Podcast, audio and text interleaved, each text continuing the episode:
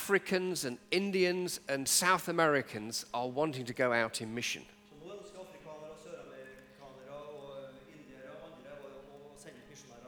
And they don't have the tradition, they don't have the finance, and they don't have the sending structures that we have.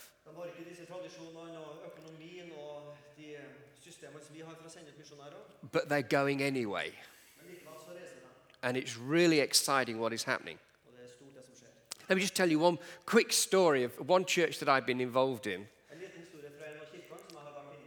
In Asuncion in Paraguay, uh, there, is, there is this small church, just 300 people. Kun 300 mennesker i denne kirka. Uh, when you think that the average church in, in Paraguay is about 1,000 people, this is a small church. I Paraguay så er gjennomsnitt kirke på 1000 mennesker, så da er dette en liten kirke i Paraguay. The pastor was full time in, this, in the church, Pastoren han arbeidet fulltid i kirka, but he decided he would become part time in order to save the church money men han bestemte seg for å begynne å arbeide på deltid for å spare penger for denne kirka. because the leadership of the church had a vision Fordi lederskapet i denne kirka hadde en visjon. that they would send 50 people At de ville sende 50 mennesker over a 10 year period i løpet av ti år to Spain to church plant. For å plante kirka i Spania. There are more evangelical churches in Paraguay than there are in Spain. Det er flere evangeliske kirker i Paraguay enn det er i Spania. And when they heard about this, they decided they would do something about it. når de hørte det, så bestemte de seg dette vil vi gjøre noe med. And they decided that once a month they would preach a message of mission to their church. Så de bestemte seg en gang i måneden så ville vi ha ei preke som fokuserte spesielt på misjon. And that they would train their people to go to Spain. Og De ville trene disse menneskene og reise til Spania. None of them had been to Spain. Ingen har vært der, They didn't know anything about Spain. visste ingenting om landet. But already when I met with them, they had sent five couples to Spain to church plant. Men da jeg snakket med dem, så hadde de allerede sendt fem ektepar dit. Uh, and they'd only been preaching and doing this for six months. Dette har de kun drevet på med i seks måneder. Amazing commitment En stor forpliktelse that these believers in, in the southern hemisphere of the world have to go into mission. en stor forpliktelse som denne kirka hadde for å drive misjon. Uh, and they're buying their, this church in particular were just buying single tickets, not return tickets. De kjøpte kun enveisbilletter til disse misjonærene. And they were sending people out to go and to be cleaners and nurses. De sendte ut folk for å drive med vanlige arbeid, som å vaske og rengjøring og være sykepleiere. and to work part time and to church plant at the same time. For å arbeide med et vanlig yrke og så plante kirka samtidig. That's what's happening at the moment around the world. Det er noe av det som hender rundt omkring i verden i dag. And that's one of the things that I'm involved in. Det er noe av det jeg er involvert i. So, Ja. Eh, før han nå begynner å preike, så, så tar jeg det bare på norsk her. Han, eh, det er flott at Trevor er her denne helga. Han skulle også ha reist til Oslo neste helg for å ha vært med på Frontline der. Eh, kona hans har eh, et eller annet, hun skal gjennomgå en operasjon i hjernen nå på torsdag. Så dette ble lagt i fjor på samme tida, så han skulle ha vært her i fjor og måtte melde forfall. Så kom også en ny operasjon i år på samme tidspunktet. Og han hadde bestemt seg for å da Han var invitert hit, men bestemte seg han kunne ikke komme. Men kona ba han om å reise hit. Så han var med kona på sykehuset nå på torsdag. Og så torsdagen som kommer, fra klokka ni om morgenen og seks timer framover, så skal hun gjennom en stor hjerneoperasjon. Så når vi ber nå, skal vi be for kona som heter Denise, og vi skal be for Trevor. Så på torsdag klokka ni om morgenen så kan du huske på henne spesielt. Ok, let's pray. Thank you, God, for um, that we can have this opportunity to hear from your word from Trevor. Uh, you see his situation, Denise's situation. We uh, pray, Lord, that you will lay your hands on them both on Thursday and uh, when she's going to have this operation. Um, and be with us now, Jesus. We thank for what Trevor is, uh, what he is teaching us, and let this be a teaching moment uh, where we see you clearer and the challenge you are giving us, O Lord. Amen. As, as I said, it was, it, it's a real privilege, privilege to be, uh, to be here with you this weekend. Uh, and, I've really have enjoyed it. Now, um, I think I've got a little bit of a reputation um, already this weekend. I forgot that you were there. Er flott å være her, og um, ja, OK. I see you're giving the edited highlights. Just the short sentence. Um, I, I have a little bit of a reputation already this weekend for speaking for a long time. Jeg har et rykte på meg for å snakke lenge. Um, uh, last night, they, they put me on at 10 o'clock in the, the last service of the evening. På det siste møtet i går så skulle jeg tale da, på klokka ti-møtet. And uh, what the young people didn't know was when you put an old man on late at night, Så det de unge ikke vet, er at når du tar en gammel mann som meg og setter han på scenen sent på kvelden, uh, that one of two things could happen. en av to ting kan hende. He could either fall asleep while he's speaking, Han kan sovne mens han snakker, or that he would just go on and on and on and on. den skjønte dere. Ja. And uh, I just, I went on a little bit last night, didn't I? Han holdt på en god stund, kan vi trygt si. And uh, we only had, we only just finished at 10:30 this morning. Så vi ble ferdig klokka halv elleve i formiddag. Uh, so I've been told I've only got 40 minutes, Så nå har jeg kun 40 minutter. uh, and with interruption, interruption from Sven Anton, that's only 20 minutes. Så med glimrende oversettelse så blir det kun et kvarter igjen på Uh, han. so uh, he's got his message, and I've got mine. Vi har uh, vårt hver- hver sitt budskap. Uh, and please, please tell us at the door after one, afterwards which one you preferred. Så kan dere fortelle oss etterpå hvem som preker best. Uh, the, the message that I'm going to be speaking from is, is uh, from a passage in uh, Matthew chapter 14. Vi skal ta for oss et stykke fra Matteus 14. And, uh, we're, we're going to read together from verses 22 to 31. Vi skal lese om eh, da Jesus går på vannet. Eh, Matteus 14, 22-31. Etter dette fikk han disiplene til å gå i båten og dra i forveien over til den andre siden, mens han selv sendte folket av sted. Da han hadde gjort dette, gikk han opp i fjellet, så han kunne være for seg selv og be. Da kvelden kom, var han der alene. Båten var allerede langt fra land, og den kjempet seg fram mot bølgene, og det var motvind. Men i den fjerde nattevakt kom Jesus til dem, gående på sjøen. Da disiplene fikk se ham der han gikk på vannet, ble de redde. Det er et gjenferd, sa de, og skrek av angst. Men i det samme talte Jesus til dem. Vær ved godt mot, det er meg, vær ikke redde. Da sa Peter til ham, Herre, er det deg, så si at jeg kan komme til deg på vannet. Kom, sa Jesus. Peter steg ut av båten og gikk på vannet bort til Jesus. Men da han merket hvordan det blåste, ble han redd og begynte å synke og ropte, Herre, frels meg. Med en gang rakte Jesus hånden ut, grep fatt i ham. Så lite tro du har, sa han. Hvorfor tvilte du? The last uh, almost two years now, I have just been studying the, the Gospels I ca. to år så har jeg vært litt bevisst på å holde på å studere i evangeliene. uh, because I noticed something Og har lagt merke til noen ting der uh, about my own ministry. som gjelder min egen tjeneste. That I was spending more time preaching from the Old Testament and from the, from the letters of Paul At jeg brukte veldig mye tid på å preke fra Gamle testamentet og Paulus sine brev. I had spent teaching and sharing from the Gospels. At jeg brukte mer tid på det enn å forkynne ut fra evangeliene. Uh, and, and quite often, when I had opportunity to sit in a church rather than to speak in a church, Og når jeg hadde muligheten å sitte i en kirke og høre på ei tale i stedet for sjøl å tale, I noticed that the only time that we ever referred to the Gospels så la merke til at de eneste gangene når vi refererte til evangeliene, was evangelistically. was, Evangelistically. When we were preaching to convert det var når vi på en måte hadde sånn evangelistiske preker forkynt evangeliet.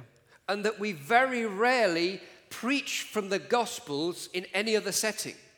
Og at de sjelden ellers preker fra evangeliene i andre settinger. I don't know if it's the same here, but it is definitely that situation uh, in, uh, in Britain.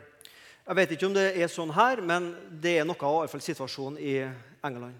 And I got to thinking, Og jeg begynte å tenke why was I spending so much time preaching from Paul and the Old Testament and only going to the Gospels when I was asked to speak evangelistically? Hvorfor preker jeg så mye fra jeg spurte meg selv, hvorfor preker jeg så mye fra Paulus sine brev og Gammeltestamentet, og kun fra evangeliene, når jeg på en måte skulle ha en sånn mer evangelistisk preke? And so, two years ago, I began a quest Så For to år siden så begynte jeg å stille meg disse spørsmåla. to find out who Jesus really was For within his historical situation. jeg ville prøve å finne ut hvem var Jesus i hans historiske setting. You see, we forget so often that Jesus was a Jew. Vi glemmer ofte at Jesus var en jøde. He wasn't just a Jew, he was a first century Jew. Ikke bare var han jøde, men han var en, jøde i det første århundret. And quite often, when we're reading the Gospels, we miss because we just don't understand what his world was like, what his culture was like. Så derfor, Når vi leser evangeliet, så misforstår vi ofte fordi at vi glemmer hvordan, eh, hvordan situasjonen var da i, i, i jødeland på den tida. And just for a few moments, I just wanted to look at this passage and I want to suggest to you one or two other things that might have been happening culturally in this story. Så nå skal vi se på den teksten, og skal vi se på også en par andre ting som vi kan anta som, eh, som har med denne teksten ut fra denne historiske settinga. And then for us to see how did they apply to us. Så skal vi se hvordan vi kan bruke dette i våre liv. You see, as I've already said, Jesus was a Jew and he lived in the first century. Jesus var en jøde som levde i det første århundret. And before we even begin looking at this passage, we just need to know a little bit about what was actually happening here. Og Da må vi vite eh, hva var det som skjedde rundt denne historien. The disciples were in the boat. Disiplene var om bord i båten, You see, Jesus had chosen his disciples. for Jesus hadde valgt sine disipler. And we read about that in, uh, earlier in Matthew's gospel and elsewhere. Og Det kan vi lese om tidligere i Matteus evangeliet. For a rabbi to choose disciples was a very common thing. Det for en rabbi å velge sine disipler det var en vanlig ting. But the way in which Jesus cho- chose his disciples was totally different and radical from uh, uh, all other rabbis of his day. Men måten Jesus valgte sine disipler på, den var forskjellig fra de andre rabbinerne. You see, the Jews had a very organized society. Jødene hadde et veldig organisert samfunn. Everyone, when they were six years old, went to school Alle sammen ble sendt til skole, boys and girls. både gutter og jenter. And on their first day of school, På den første dagen de gikk på skolen, the rabbi or the, the local leader of the synagogue, because there were synagogue schools that they went to, så var rabbineren da i denne, han var der på denne skoledagen. would give them a stone and chalk, a slate and stone and chalk. Han ville gi dem noe å skrive med. And that was what they would write with. Var, They would write on these. ja, og dette var noe de skulle skrive på. And what he would do on their first day of school is he would dip the stone into honey. Og denne steinen som de skrev på, skulle dyppes i honning. And he would ask the children to lick the honey off the stone Og så skulle de etterpå slikke honningen av denne steinen. as he read them Psalm 19. Og der er det fra Salme 19. And it says, Taste, they would taste the honey on their stone in the same way as the Torah is sweeter than the honeycomb. The, the law of the Lord is sweeter than honey. Ja, De skulle smake på den steinen, og det var på en måte som at Herrens lov er, smaker bedre enn honningen på denne steinen. And he would read Psalm 19, verse 10. Dette står i Salme 19, vers 10. Amazing piece of drama, an amazing piece of illustration. En flott illustrasjon av et poeng. And this was their first day at school. Dette var første dagen på skolen. And between the ages of 6 and 12, boys and girl would, girls would learn the first five books of the Bible. Fra de var 6 til 12 år så skulle både gutter og jenter lære de fem første bøkene i Gamle testamentet. They had to recite it word for word. De skulle gjenta dette ord for ord og lære det. They had to memorize it. og memorere det. They didn't have Bibles like this. De hadde jo ikke bibler sånn som vi har det. They would have a series of scrolls and they had to memorize every part of it. De hadde sånne ruller som de eh, tok ut, og så skulle de da huske det som sto der. At 12 years old, the girls would go home and begin their next period of education, which was looking after the home. Og Da jentene ble tolv år, så ble de sendt hjem og skulle begynne å ta seg av heimen. And at 12 years old, every boy had an exam. Og Da guttene var tolv år, så hadde de en, eks en eksamen. And they had to stand before a rabbi and recite parts of scripture. Da skulle de stå foran en rabbiner og, og gjenta en, en del av Skriften. And so the rabbi would say, recite Psalm 51. Da kunne han si ta og sitter for meg Salme 51, f.eks. Og Så skulle gutten da ta sitter fra If he det. hesitated, if he made a mistake, he'd failed. Og Hvis han nøla på dette eller gjorde feil, så strøk han til eksamen. And only those who passed this exam Og Bare de som greide denne eksamen, were allowed to go into the next part of the school system. ble tillatt å gå i det neste, altså videre da, i dette skolesystemet. And if they failed, they went home and they entered into their father's business. Og Hvis de ikke klarte den eksamen, så ble de sendt hjem, og så skulle de da drive det samme arbeidet som faren hadde. So in each village, in each town, very, very few boys went forward to the second part of the education.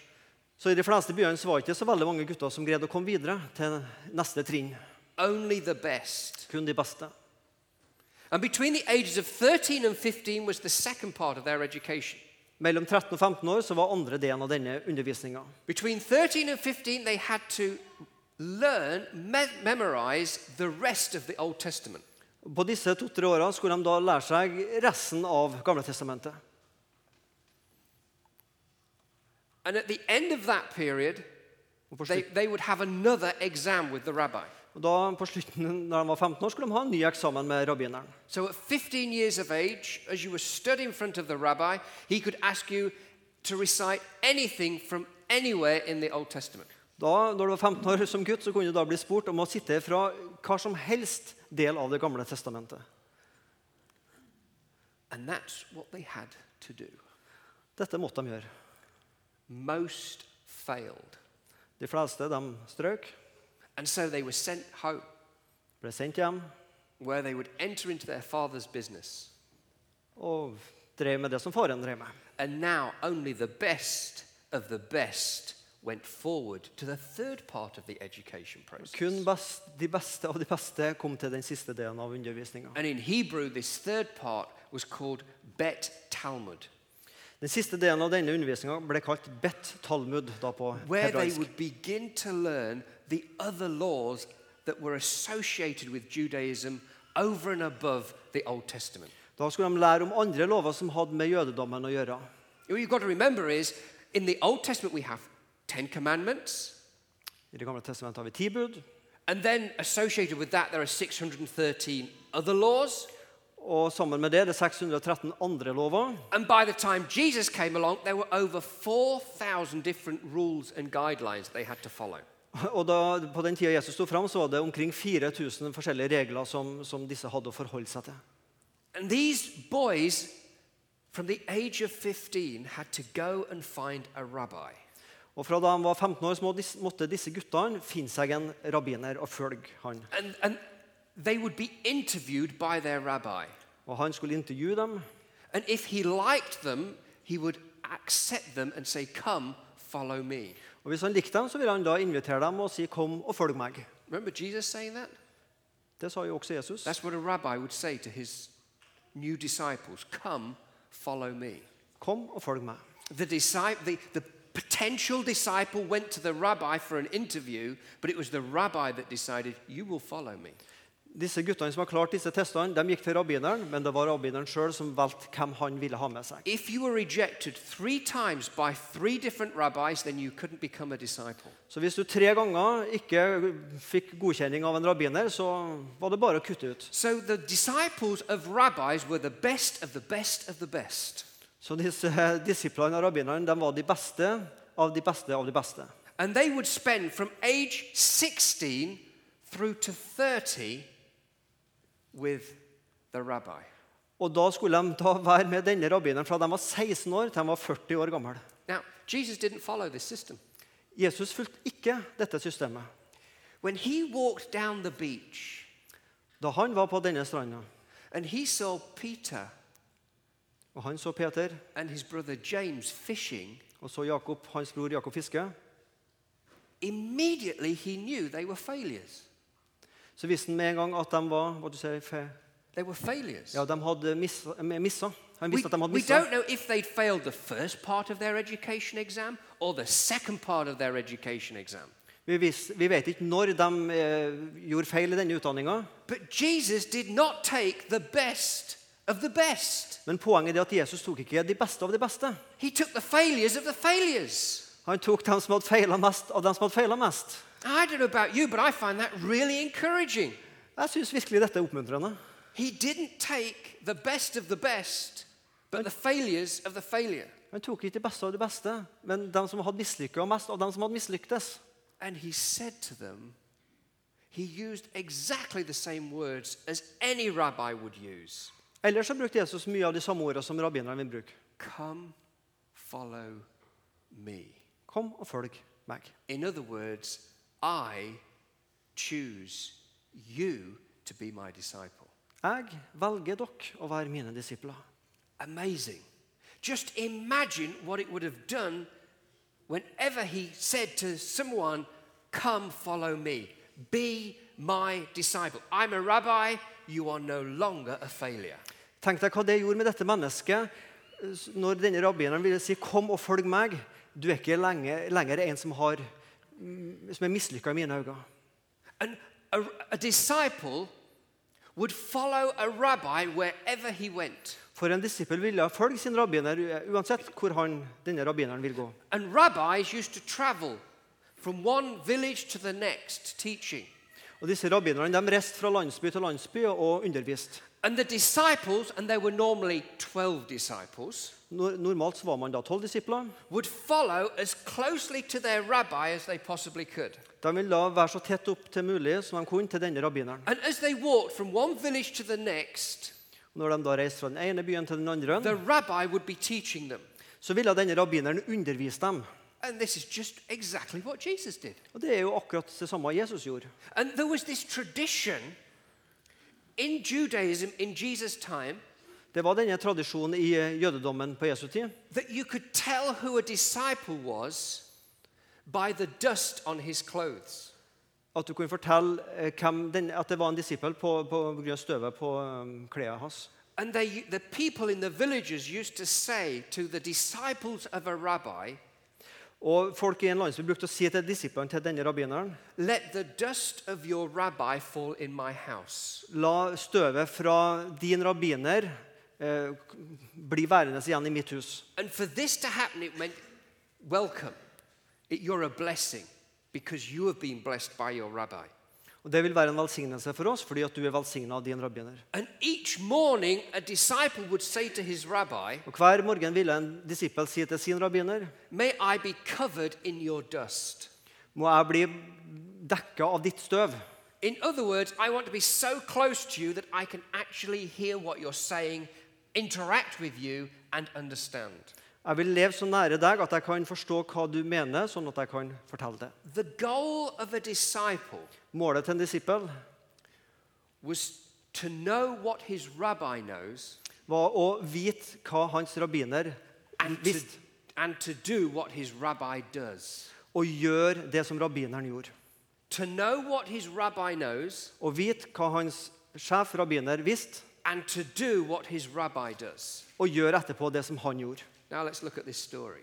Now that we know that, now that we can understand that, Nå kan vi forstå på en måte bakgrunnen for denne historien. the disciples are in the boat. Disiplene i båten They see their rabbi walking towards them. de ser at deres rabbiner kommer gående mot dem. They're terrified. Og de er skremt. He's walking on water. Han går jo på vannet. I mean, on the one hand, we can look at this and we think, what is this miracle, this story all about? Hva er det egentlig denne underfortellingen handler om? Jesus is testing his disciples Jesus prøver sine disipler to do what he does. om de kan gjøre det han gjør. He calls to them, don't be afraid. Han sier til dem, ikke vær redd. Peter responds like any disciple should respond. Og Peter han responderer sånn som enhver disippel skulle svare. If it's you, if you are my rabbi, Hvis du er min rabbi, then tell me to come. så si at også jeg kan komme. You see, Peter knew I'm to know what my rabbi knows and do what my rabbi does. For Peter visste jeg skal vite hva min rabbiner vet, og jeg skal gjøre det han gjør. Therefore, if you're my rabbi, I can walk on water. Så hvis du er min rabbiner, så kan jo også jeg gå på vannet. Do you see? That's what Jesus was trying to get at. Det var det Jesus ville prøve å få ut av dem. And so Peter climbed out of the boat Så går Peter ut av båten, and he began to walk on water. og begynner han også å gå på vannet. And then what happened? Hva skjer så? He doubted Han tviler, and he began sinking. og han begynner å synke. Help! Help! It probably would have been a little bit louder than that, but okay. Help! Water in his mouth. All right. so- yeah, okay. Yeah, I'm preaching. Um, and Jesus stretched out his hand, Jesus han strekker ut caught sin Peter, for å redde Peter. and what did he say? Og hva er det Jesus sier? He said to Peter Han sier in verse 31 Så sier han, med en gang rakte Jesus hånden ut, grep fatt i ham. Så lite tro du har, hvorfor tvilte du? You of little faith, why did you doubt? Du som har, Hvorfor har du så lite tro? Hvorfor tvilte du? You know, traditionally we interpret that verse as saying Peter didn't trust Jesus and therefore he sank. Vanligvis så tenker vi at dette betyr Jesus tvilt på Jesus, eh, eh, Pet, unnskyld, Peter tvilte på Jesus, og derfor sank Peter. You know, and therefore we need salvation and, and all, all of this. Og Derfor trenger vi frelse og alle disse tingene. I'm not saying that's wrong, Jeg sier jo ikke at det er gale, but I think there's another interpretation that we could put on this verse. men tror det en måte å tolke dette på. See, I don't think Peter doubted who Jesus was. Jeg tror Peter tvilte på Jesus var. Otherwise, he wouldn't have got out the boat. Da ville han gått ut av båten. I mean, anybody in their right mind would have thought, you know, that isn't Jesus, so I'm not moving. Enhver vet jo at hvis ikke det er Jesus, så, så går det ikke ut av båten. But he did. He, know, he knew who Jesus was. Han visste hvem Jesus var. He didn't doubt Jesus, Han tvilte ikke på Jesus. He doubted himself. Han tvilte på seg sjøl. He doubted that he could do what his rabbi did. Han tvilte på at han kunne gjøre det som hans rabbiner gjorde. Have you ever in your life started to do something that you really believed in, and then halfway through, or even just as you were beginning, you think, "Ah, I can't do this? Har du noen gang erfart det i livet at du har starta på et eller annet som du har tro for, men halvveis uti det så på en måte erfarer du at dette kan ikke You jeg gjøre? doubt your own ability. Du tviler på din egen mulighet til å gjøre det. That's what happened to Peter here. Og det er som Peter gjorde her. I don't think he doubted Jesus, Jeg tror ikke han tvilte på Jesus. he doubted himself. Han tvilte på seg sjøl. And yet, Jesus believed in him. Og så trodde Jesus på Peter. You know, for, we, we don't we all the time we talk about our belief in God, Vi snakker jo ofte om vår tro på Gud. We very, very rarely hear anyone say God believes in you. Men veldig sjelden så hører vi noen si at Gud tror på deg. He does. Men han gjør. He believes in you. That's why he's called you to be a disciple. Men Gud tror også på deg. Det er derfor han har kalt deg til å være hans disippel. See, when a rabbi said to his disciple, Come follow me, For når en rabbiner sa til en disippel 'kom og følg meg', he was actually saying, I believe that you can do what I do, and I believe that you can know what I know. da sa egentlig den rabbineren 'jeg tror at du kan gjøre det som jeg gjør, og stå for det som jeg står for'. I believe in you. Jeg tror på deg. So here's Peter, Så her er Peter. Believing in Jesus, Tror på Jesus. stepping out of the boat, Går ut av båten. walking on water, Går til og med på vannet. doing what his disciple, what his rabbi does. Og gjør det som hans rabbiner kan og gjør. And suddenly he starts sinking Og så starter han å synke. because he stops believing in himself. Fordi han stoppa å tro på seg sjøl. You know, John chapter 15 says this I Johannes 15 så leser vi dette. Jesus is speaking to his disciples. Jesus snakker til sine disipler. You did not choose me, but I chose you. Um, dere valgte ikke meg, men jeg valgte dere. I appointed you to go and bear fruit, Jeg har plukka ut dere til å gå ut og bære frukt for meg. fruit that will last. Frukt som vil vare. Then the Father will give you whatever you ask in my name. Så vil eh, min far gi dere det som dere ber om i mitt navn. A disciple was someone who believed that they could do what their rabbi does. En disippel var en som trodde han kunne gjøre det som hans rabbiner gjorde. And in order to do that, a disciple needed to know that they believed in themselves. Og Skulle han klare det, så måtte også disippelen eh, tro på seg sjøl. This doesn't undermine the belief in God, Dette setter ikke strek over vår tro på Gud. but the scriptures make it very, very clear, time and time and time again, that God believes in us. Men Skriften er klar på det flere plasser at også Gud tror på oss. That God chose us. Gud valgte oss. This is not some new age, empty emotionalism, Dette er ikke noe sånn New Age der du tømmer dine tanker for deg sjøl. but for a rabbi, in, for a disciple in front of his rabbi, Men for en disippel foran sin rabbiner it was a humble acknowledgement of trust of the rabbi. så var det på en måte en ydmyk eh, erkjennelse av tillit til sin rabbiner. My rabbi believes in me. Tenk at min rabbiner også tror på meg. Surely I must believe in me. Det er klart jeg må tro på min rabbiner. That's humility. Det er ydmykhet. It's a beautiful picture. Et fint bilde. Because Jesus believes in me, Fordi at Jesus tror på meg, I must believe in me. So, så, that, så må også jeg tro på meg sjøl. so that I can do what my rabbi does. Sånn at jeg kan gjøre det som min rabbiner spør om meg. I can know what my rabbi knows. Jeg kan vite hva min rabbiner eh, vet. You know, I think some people don't go out in mission Jeg tror at det fins mennesker som ikke eh, driver med misjon. not because they don't believe. Ikke fordi de ikke tror. They don't believe in mission. It's not a case of that. Det er ikke fordi at de ikke tror på misjon. It's not a case that they, their faith isn't big enough.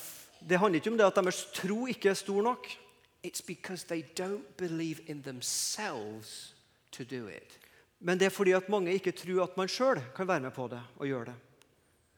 Jesus says, You of little faith, why do you doubt? Why do you doubt yourself? Så det Jesus sier, du som har så lite tro, hvorfor tviler du på deg sjøl? And mission isn't necessarily going overseas. Misjon handler ikke nødvendigvis om det å, å reise langt vekk i stand. It's going where anyone is, Det er det å gå der det fins andre mennesker, sharing Jesus, og dele Jesus. following our rabbi, knowing what he knows, doing what he does, and sharing. Det, det å kjenne vår rabbiner, vite det han vet, gjøre det han gjør, og dele dette. Some are called overseas, Som some are called to ja. go. Noen er kalt til å dra over der. We're all called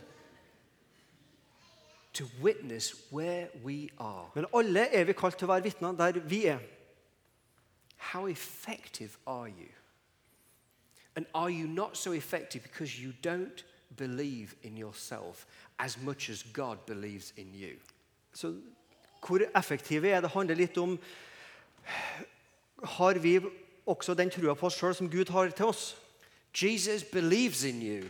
Jesus tror på meg. He believes that you can follow him. Han tror at vi kan følge han. He believes that you can know what he knows. Han tror at vi kan vite han vet. He believes that you can do what he does. Han tror at vi også kan gjøre det han gjorde. He believes that you can be like him. Han tror at vi kan være lik han. Do you believe it Tror du det about yourself? om deg sjøl? That God can do that? At Gud kan gjøre det i deg? Or do you just believe in Him Eller tror du bare på han? and not His belief in you? Og, altså, eller tror du eh, bare på han, og ikke også hans tro på deg? Jesus called Peter out of the boat Jesus kalte Peter ut av båten to walk on water. og gå på vannet. What's He calling you to do? Hva kaller han deg til å gjøre? Tell your friends and neighbors Å vitne til venner og naboer? or to go overseas? Eller å reise over sjøen? What's stopping you?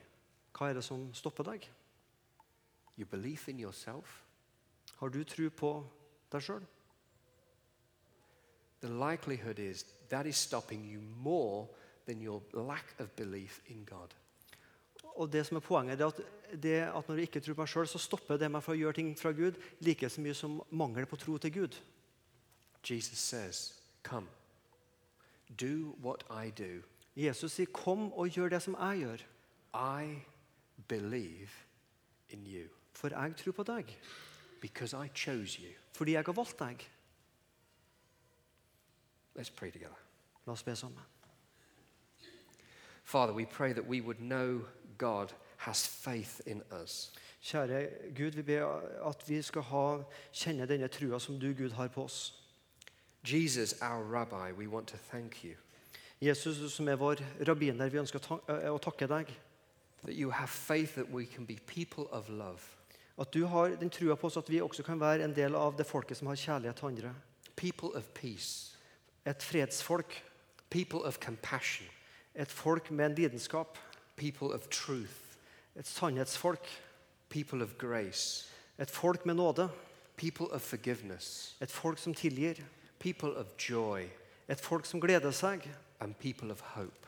Et, et håpsfolk. Jesus, cover us with your dust Herre, må du dekke oss med ditt støv, so that the world may say to us, sånn at verden kan si til oss, May the dust of your rabbi fall in our home. sånn at de kan si til oss, må støvet fra din rabbiner bli værende i vårt hus. Lord, help us to believe because of you that we can believe in ourselves. Herre, hjelp oss å tro at pga. din tro på oss, så kan vi tro også på oss sjøl. In Jesus' name, I Jesu navn. amen. Amen.